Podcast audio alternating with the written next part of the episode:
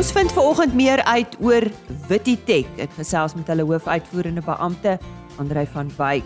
Eerskomende naweek is die Kruiefees wat aangebied word deur die Montetjie Museum. Bly ingeskakel vir daardie gesprek. Hoe kan jy reproduksie in jou vleisbeeskudde verbeter? Ons vra hierdie vraag aan Pieter Bron van Fitech en dan gesels ons ook met Johan Piper. Hy is 'n landboukundige by Southern Oil oor vanjaar se canola produksieseisoen. Dis nou op RC Landbou vir oggend. Goeiemôre. My naam is Lise Roberts. Ons vind nou meer uit oor Wititech en wat is hulle bydrae tot die sukses van die Suid-Afrikaanse wynbedryf. Ons het met die hoofuitvoerende beampte Andrei van Wyk gesels. Hy gee eers geskiedenis en so 'n bietjie agtergrond. Uitnemende wyne begin in die wingerd. Wititech is 'n plantverbeteringsorganisasie en kweker wat primêr op die Suid-Afrikaanse wynbedryf fokus. Wititech is in 1963 as 'n afdeling binne die KWV gestig met die doel om virusreiniging van wyndryfkultivars te verseker en ook om nuwe veldseleksies te maak, te reinig en uiteindelik as nuwe klone in die bedryf te vestig. In die mid-2000s het KWV besluit dat plantverbetering nie meer deel van hul kernbesigheid moet wees nie en het die wynbedryfsorganisasie Winpro Wititech by KWV gekoop. Wititech is as volwaardige maatskappy geregistreer en is 'n vol filiaal van Winpro. Die stap het ook teweeggebring dat Wititech die bewaarders van 'n genepool van bykans alle wyndryfkultivars en klone wat al ooit in Suid-Afrika verbou is geword het. Hoe verloop die virusreinigingsproses en wie befonds dit? Die virusreinigingsproses bestaan uit verskeie stappe. Daar is hitteterapie, weefselkultuurvermeerdering, toetsing, verdere vermeerdering, registrasie en uiteindelike sertifisering binne die Suid-Afrikaanse plantverbeteringsskema. Hierdie proses neem ongeveer 7 jaar voordat kommersiële aanplantings uiteindelik kan begin. Die befondsing verbonde aan die reinigingsproses onderhoud en instandhouding van die genepool in geheel, as ook die versekering van die virusvrye status van kern, grondves en moederblokke word deur Wititech self gedek en deur hul eie wingerdstokverkope befonds sonder enige ondersteuning van die bedryf of die staat. In hierdie bedryf is daar altyd nuwe tegnologie en tegnieke. Hoe lyk die pad vorentoe vir Wititech? Soos met alle besighede moet ons ook aanhou om vernuwend te dink oor ons prosesse sodat Wititech steeds plantmateriaal van die hoogste standaarde en kwaliteit aan die bedryf kan verskaf teen bekostigbare pryse. Ons is een van 'n paar kwekers wat die warmkalus tegniek toepas in Suid-Afrika. Dit is gebaseer op tegnologie uit die 70's vanuit Italië en werk uitstekend. Elektrisiteitsvoorsieningsuitdagings, asook die koste van elektrisiteit het ons egter genoop om na alternatiewe metodes te kyk en hierdie jaar doen ons dus 'n semi-kommersiële toets waar die kallusproses in verhittekamers gedoen word met 'n veranderde verpakkingsmetodiek daarbey. Die besparing in piekkragverbruik is soveel as 97% teenoor die ou metode, terwyl daar ook besparings verkry word uit die veranderde verpakking, die rou materiaal wat verbruik word spasie as ook ons deurset per maandag. Nog een van ons nuwe tegnieke wat beproef word is om te bepaal of die meer as 250 hektaar kommersieel verboude grondveswingerde suksesvol in potte onder nette verbou kan word vir die oes en gebruik van entbare oogies. Indien suksesvol sou ons dieselfde volume entbare oogies op minder as 5% van die huidige oppervlakte kon verbou wat besparings en vervoer en manure teweeg sal bring. Soos in enige ander bedryf is daar natuurlik uitdagings. Andrei van Wyk brei uit. Met die oog op die toekoms is klimaatsverandering een van ons groot uitdagings. Vir die rede kyk ons ook na ander dele in die wêreld, spesifiek met die doel om droogte of siekteweerstandbiedende kultivars en klone in te voer in Suid-Afrika. Artaban en Vidok is twee voorbeelde van siekteweerstandbiedende kultivars wat onlangs uit Frankryk ingevoer is en nou net uit kwarantyne vrygestel is en binne die volgende jaar, paar jaar beskikbaar mag kom aan Suid-Afrikaanse produsente. Die ander sy van ons toekomsblik is fokus op alternatiewe verbouing van kwekerystokkies. Dit mag dalk vergesog klink, maar 'n nuwe pes of siekte mag dalk die land binnekom en veroorsaak dat wingerdstokkies skielik nie meer op die tradisionele manier in kwekerye in natuurlike grond verbou kan word nie. Ons doen dus al vir 'n paar jaar klein volume kartonaarstokke in potjies of brio afbreekbare sakkies as 'n alternatief. Die opname van hierdie tipe stokkie in die bedryf is stadig, maar ons glo dat produsente hulself beslis moet vergewis van die produk asook die insette wat dit verg met betrekking tot verbouing. Laastens kyk ons ook oor die wêreld heen na kultivars en klone wat nuwe wynstyle of versnitopsies aan ons bedryf kan verskaf. En indien daar so 'n opsie verskyn, voer ons dit in, virusreinig dit en registreer dit en stel dit bekend aan die bedryf. Voorbeelde hiervan is onder meer Marcelan en Arinar Noah. Hulle speel duidelik 'n rol as dit kom by bewaring. Kom ons hoor wat hy hieroor te sê het. Wititech ondersteun ook projekte binne die wynbedryf as deel van ons rentmeesterskap met betrekking tot die genepool en behoud van ons wingerderfenis. Ons is dus nou betrokke by die Altwine Project as ook die Heritage Chenin Blanc projek. In terme van die uitbou en beskerming van ons genepool vir die toekoms, is ons ook nou betrokke by die Gen Z wingerd projek waar wyndryfklone in verskeie streke en grondtipes geplant word om beter inligting aan produsente te verskaf oor watter klone die beste in hul streke sal presteer. En so sê Andre van Wyk, hy is die hoofuitvoerende beampte van Wititech. Nou as jy komende naweek niks het om te doen nie, wat van 'n draai maak daar op Montetjie? By die museum, die Montetjie Museum, bied vanjaar hulle kruie fees aan vanaf 23 tot 25 September en ek gesels nou met een van die organiseerders Liana Jansen. Liana, vertel ons net eers kortliks van die Montetjie Museum en julle belang nou juis in medisinale plante en kruie. Ja, hallo, dit is lekker om julle te gesels. Die Montetjie Museum is al vir 40 jaar besig om inheemse kruierate te versamel. Dit is kruierate van ons gemeenskap. Um en dan ook baie nasate van die koei en en ja, dit is wonderlik om te sien die ryk erfenis wat ons het in terme van van genesing hier in ons dorp. Liana, wat is die doel ja. van hierdie fees? Wat wil julle bereik? Al die doel van die fees is om ons natuurerfenis en ons genesing erfenis hier in die dorp te vier. Um eerstens is dit ook om belangstelling te kweek vir natuurlike genesing En dan nooi ons ook 'n klomp kenners oor um oor ekologie, oor ons het botaniese kenners, ons het mense soos Dave Peppler wat kom, ons het Rupert Koopman wat kom. Ons het ook van Cape Nature, dit is Corneille Klaasen wat gaan kom gesels oor ons natuurerfenis en ook bewaring en hoe ons ons natuurerfenis kan bewaar. En dan het ons ook argeoloog wat kom. Ons het Janet Deacon wat ons gaan 'n praatjie gee oor hoe ons ons um rotskuns in die area kan bewaar en ook um skoonmaak. Ons het wonderlike praatjies oor um cannabis en medisonale cannabis en hoe mense dit kan verwerk en en, en meer verantwoordelik gebruik. En ons het ook dan praatjies oor sampioene, medisonale sampioene, inheemse medisonale sampioene en die gebruik en die verbou daarvan. So dit is baie interessant en dit dit strek eintlik oor 'n hele wye verskeidenheid van onderwerpe, maar ons sien baie uit daarna. Hmm. Is dit 'n jaarlikse fees? Ja, ons gaan dit ons hou dit elke jaar. Dit is al een keer voorheen gehou en toe kom COVID en toe moes ons dit nou uitstel vir 2 jaar, maar dit is 'n jaarlikse fees en ons gaan dit volgende jaar beslis weer hou. Jy het nou vinnig verwys na cannabis en jy het verwys na uh medisinale sampioene. Wat is nog van hierdie kruie en medisinale plante se name wat jy vir ons kan noem? Wel ek persoonlik um, is die eienaar van Fine Botanicals en ek gebruik in my velsorgprodukte gebruik ons hoofsaaklik fynbos. Ons gebruik fynbos olies en spesifiek hierso in ons area um groei hoofsaaklik kapokbos, die Eriocephalus africanus. Ons gebruik ook Toronia en Cana wat die asbos is en dan renosterbos, die Cerathamnus renosterotus. Dit is 'n paar van die plante wat ons hier in die omgewing oes en dan ook distilleer vir genesing en hierdie plant het absoluut wonderlike kwaliteite vir velsorg maar ook vir ander terapeutiese doeleindes.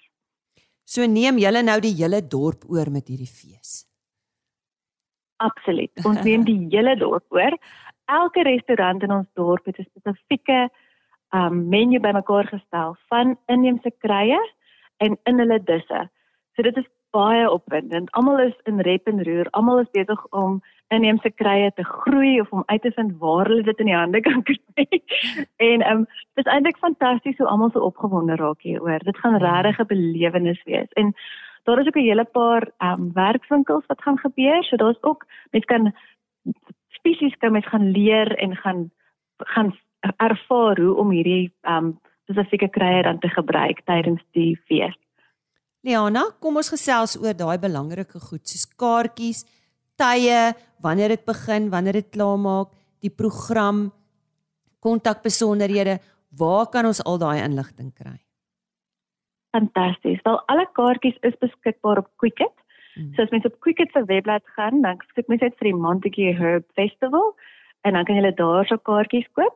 Die kaartjies is R100 vir die praatjies. So daar is die res van die fees is is alles um, verniet. Ons het 'n ons het 'n uitstallingsruimte met 'n hele paar verskillende produkte, mense wat wonderlike produkte maak wat um uit gaan stal. Dit is absoluut verniet om dit by te woon. Daar is ook 'n hele lys praatjies in die Montague Museum wat heeltemal verniet is wat mens kan bywoon. Dan vir die praatjies wat in die argiewe gebeur, is dit dan R100 vir die hele naweek om enige van daardie praatjies by te woon en dit is dan waar mense vir Dave Peppler, vir Corneille Klaasen, vir Rupert Koopman en 'n hele klomp ander mense dan kan kan spesifiek gaan na luister na die wonderlike insigte en opvoedkundige inligting wat hulle het.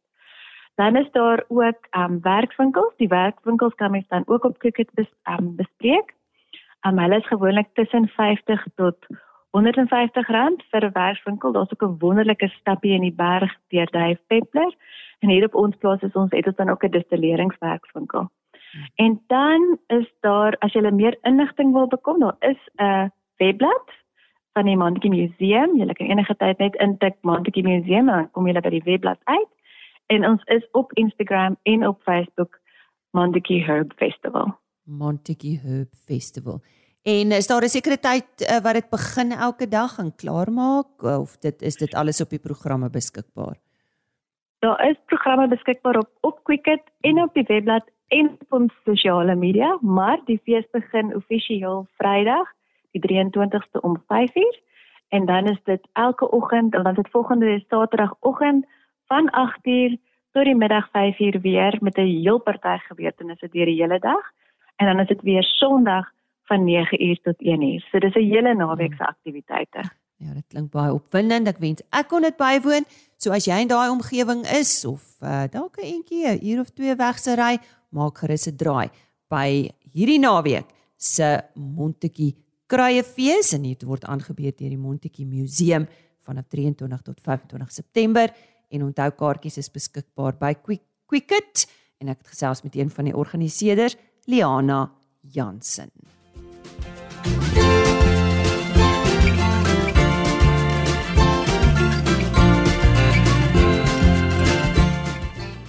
Verbeter jy reproduksie in jou vleisbeeskudde? Dis waaroor ek vandag gesels met Pieter Bron. Hy is 'n veekundige en verbonde aan Feedtech. In die algemeen word verwag dat elke koei in 'n kudde jaarliks 'n gesonde kalf sal produseer en die kalf tot 'n bepaalde speentyd en gewig moet grootmaak. Maar hoe kan ons dit verseker? Pieter, môre, is dit oor die algemeen 'n maklike taak om 'n gemiddelde 12 maande kalf interval in 'n kudde te bepaal? Moralise en luisteraars. Nee, dit is nie 'n maklike taak nie, maar beslis nie onmoontlik nie. Uh produsente met kommersiële vleisbeeskuddes wat goeie bestuursbeginsels toepas, kry dit wel reg, maar daar is baie faktore wat 'n rol hierin speel. So watter faktore speel 'n rol?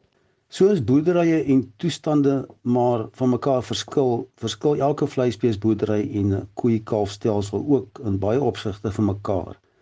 En dit sluit ook die teelmetodes en die tipe teelprogramme in.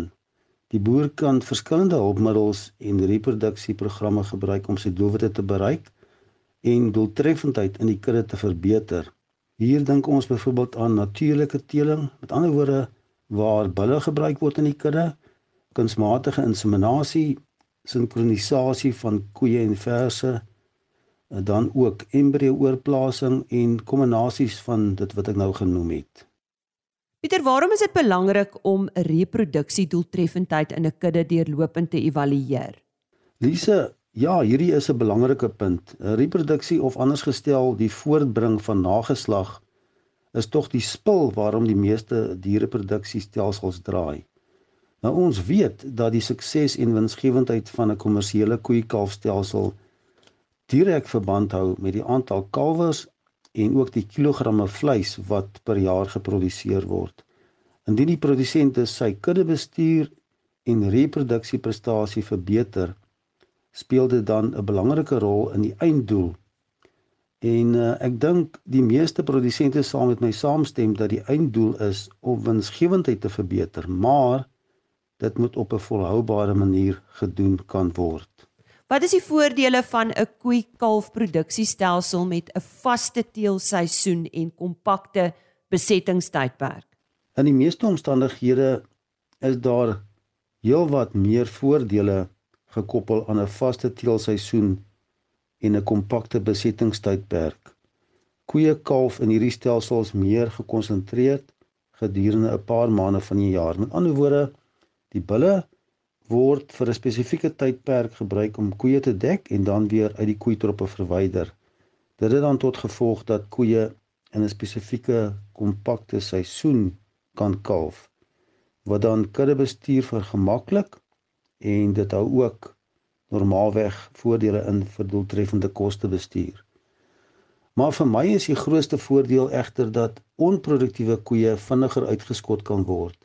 Dragtigheidsondersoeke kan na die teelseisoen gedoen word om hierdie koeie te identifiseer wat nie beset geraak het nie en moontlik 'n jaar kan oorslaan sonder om 'n kalf te produseer. Hierdie diere wat dan normaalweg passasiers genoem word, kan uitgeskot en verkoop word om verdere onnodige koste te beperk en ook inkomste te verdien. Sommige vleisprodusente maak van twee kompakte dekseisoene gebruik en nie slegs een nie, sodat 'n deel van die kudde byvoorbeeld in die herfs en die res van die kudde in die laatwinter tot vroeë lente kalf, afhangende van die omstandighede van die boer se plaas.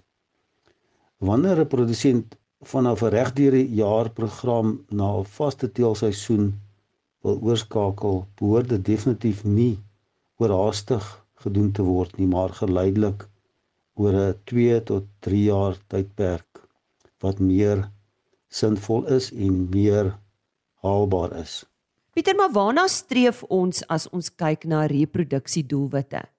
Lise, ja, reproduksiedoelwitte behoort primêr te fokus op areas wat 'n invloed het op die verbetering van winsgewendheid En dit is belangrik dat 'n voedingkundige en 'n veearts betrokke moet wees by die opstel van 'n voedingsprogram, 'n gesondheidsprogram en ook 'n vrugbaarheidsprogram en dit gereeld saam met die boer na te gaan. Die doel hiervan is om reproduksie in die kudde te verbeter, maar die doelwitte moet meetbaar wees en ook uh die eindresultaat moet volhoubaar wees. Om net 'n paar belangrike reproduksie doelwitte of maatstawwe te noem wat in 'n kommersiële vleisbeeskudde gebruik kan word. Ons streef eerstens na 'n besettingssyfer van 90 tot 95% van die vroulike diere wat gedek word. Dan streef ons na 'n kompakte kalfseisoen waar as riglyn 80% van die koeie binne 60 dae van die kalfseisoen kalf. Met ander woorde 'n meer kompakte kalfseisoen dan 'n kalfinterval van minder as 370 dae gemiddeld in die kudde is normaalweg 'n goeie riglyn.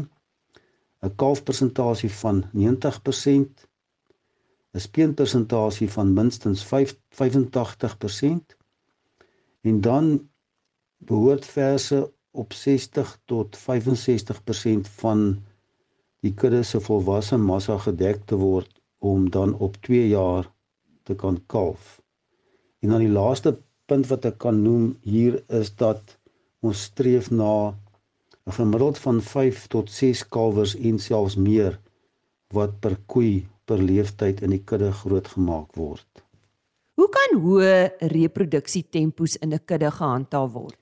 Om hoë reproduksietempos in stand te hou is dikwels 'n uitdaging 'n Probleme moet egter vroegtydig geïdentifiseer word en dan baie belangrik dit moet dan reggestel word. Die boer moet dus fokus op behoorlike bestuur, sy rekordhouding, die voeding moet korrek wees, kudde gesondheid, seleksie en so kan ons die lysie langer en langer maak. Dit is 'n mondvol, maar al hierdie stappe behoort mee te werk om die winsgewendheid van die boerdery te verbeter. Dit is tog die einddoel wat die meeste veeboere het. Pieter baie dankie vir daardie inligting. Indien daarvan ons luisteraars is wat meer inligting oor hierdie onderwerp benodig, wat staan hulle te doen? Lise, ek dink die maklikste is dat veeboere die webtuiste van Feedtech besoek. Volledige inligting oor die produkte en dienste en ook al die kontakbesonderhede is op hierdie webtuiste van Feedtech beskikbaar. En dit is www.feedtech.co.za. En so gesels Pieter Bron, hy is 'n veekundige by Feedtech. Hy het vandag vertel wat is belangrik as dit kom by die verbetering van reproduksie in jou vleisbeeskudde. Net weer hulle webtuiste www.feedtech.co.za. En soos jy gehoor het, is soil of soos hulle ook beter bekend staan as Southern Oil ons vernoot op RC Landbou hierdie week. Ek gesels met 'n landboukundige by Southern Oil, Johan Piper. Hy sê hy's nou so 2 jaar daar en hy's uh, gesetel daar in die Swartland. Johan, Goeiemôre. Sê nou eers vir ons, uh, waar word eh, canola oral aangeplant? Daar is seker verskillende streke. Goeiemôre Lise, goeiemôre aan die luisteraars. Uh, dit is lekker om saam met julle te kuier. Ja, aangesien canola winter wintergewas is, word ongeveer 95% van die hektare hoofsaaklik in die Suid-Kaap, die Oeverberg en die Swartland streke van die Wes-Kaap aangeplant. Die ander 5% sluit in klein areas van Limpopo, Mpumalanga en KwaZulu-Natal waar die mikroklimate geskik is vir die aanplant van die gewas onder spulpunte. Ehm um, altesaam is daar vanjaar ongeveer 124 000 hektaar canola aangeplant en dit is ook die meeste in Suid-Afrikaanse geskiedenis. Ja, ons het gehoor dis absolute wonderlike nuus veral in hierdie tye in Suid-Afrika. Johan, waar staan ons nou in die produksieseisoen van canola? Meeste produsente is klaar met die bestuurspraktyke van die gewas en sommige produsente is al reeds aan die oes in die Suid-Kaap. Uh die Oeverberg canola is in die laaste fase van rypwording waar die pele nou mooi stampvol met die saad gevul word en die Swartland is heelwat agter in vergelyking met die ander twee streke aangesien die canola tans die einde van blomtyd betree. Kan jy vir ons terugvoer gee oor elke streek? oor die algemeen in die Wes-Kaap 'n ver ondergemiddelde reenseisoen beleef. Die Suid-Kaapse kanola het in jaar redelik goed gevestig, maar die droë toestande het verseker die oespotensiale knou gegee op die ligter warm gronde. Dit is veral in die areas van Albertina en die Heidelberg en Riversdal vlakte. Nogtans verwag ons dat die Suid-Kaap die meerderheid van die tonne sal oplewer. Die Oeverberg het per hektaar die hoogste oespotensiaal uit al die streke met die verwagting van 'n bo-gemiddelde oes Volgens menige swartland produsente was die vestiging van die wintergrane en die canola vanjaar die swakste in 30 jaar. Boonop het die seisoen uitsonderlik laat begin met die eerste noemenswaardige reën wat eers in middel Junie geval het. En gevolglik is die swartland 'n maand tot 'n maand en 'n half agter die Suid-Kaap en die Oeverberg en die streek sal verseker nog 'n paar millimeters in koeligheid benodig tot einde September om 'n gemiddelde oes af te haal. Is dit wat jy verwag het Johan? As ons na die seisoen as geheel kyk met die ondergemiddelde reënvalsyfers en die swak vestiging van die canola in die Swartland, uh, kan ek eerlikwaar sê dat die ontwikkeling van die gewas vanjaar definitief ons verwagtinge oortref het. Uh die uitdagende seisoen getuig weer eens van die gewas se droogte verdraagsaamheid en kompenserende groei vermoë onder moeilike klimaatstoestande. Ons verwag steeds 'n groot oes van oor die 200 000 ton. Dit is 'n rapsie groter as verlede jaar se rekordoes van 194 000 ton. Net om jy af te sluit, jy is 'n landboukundige en dis altyd lekker om met julle te gesels want julle het raad. Wat is nou belangrik?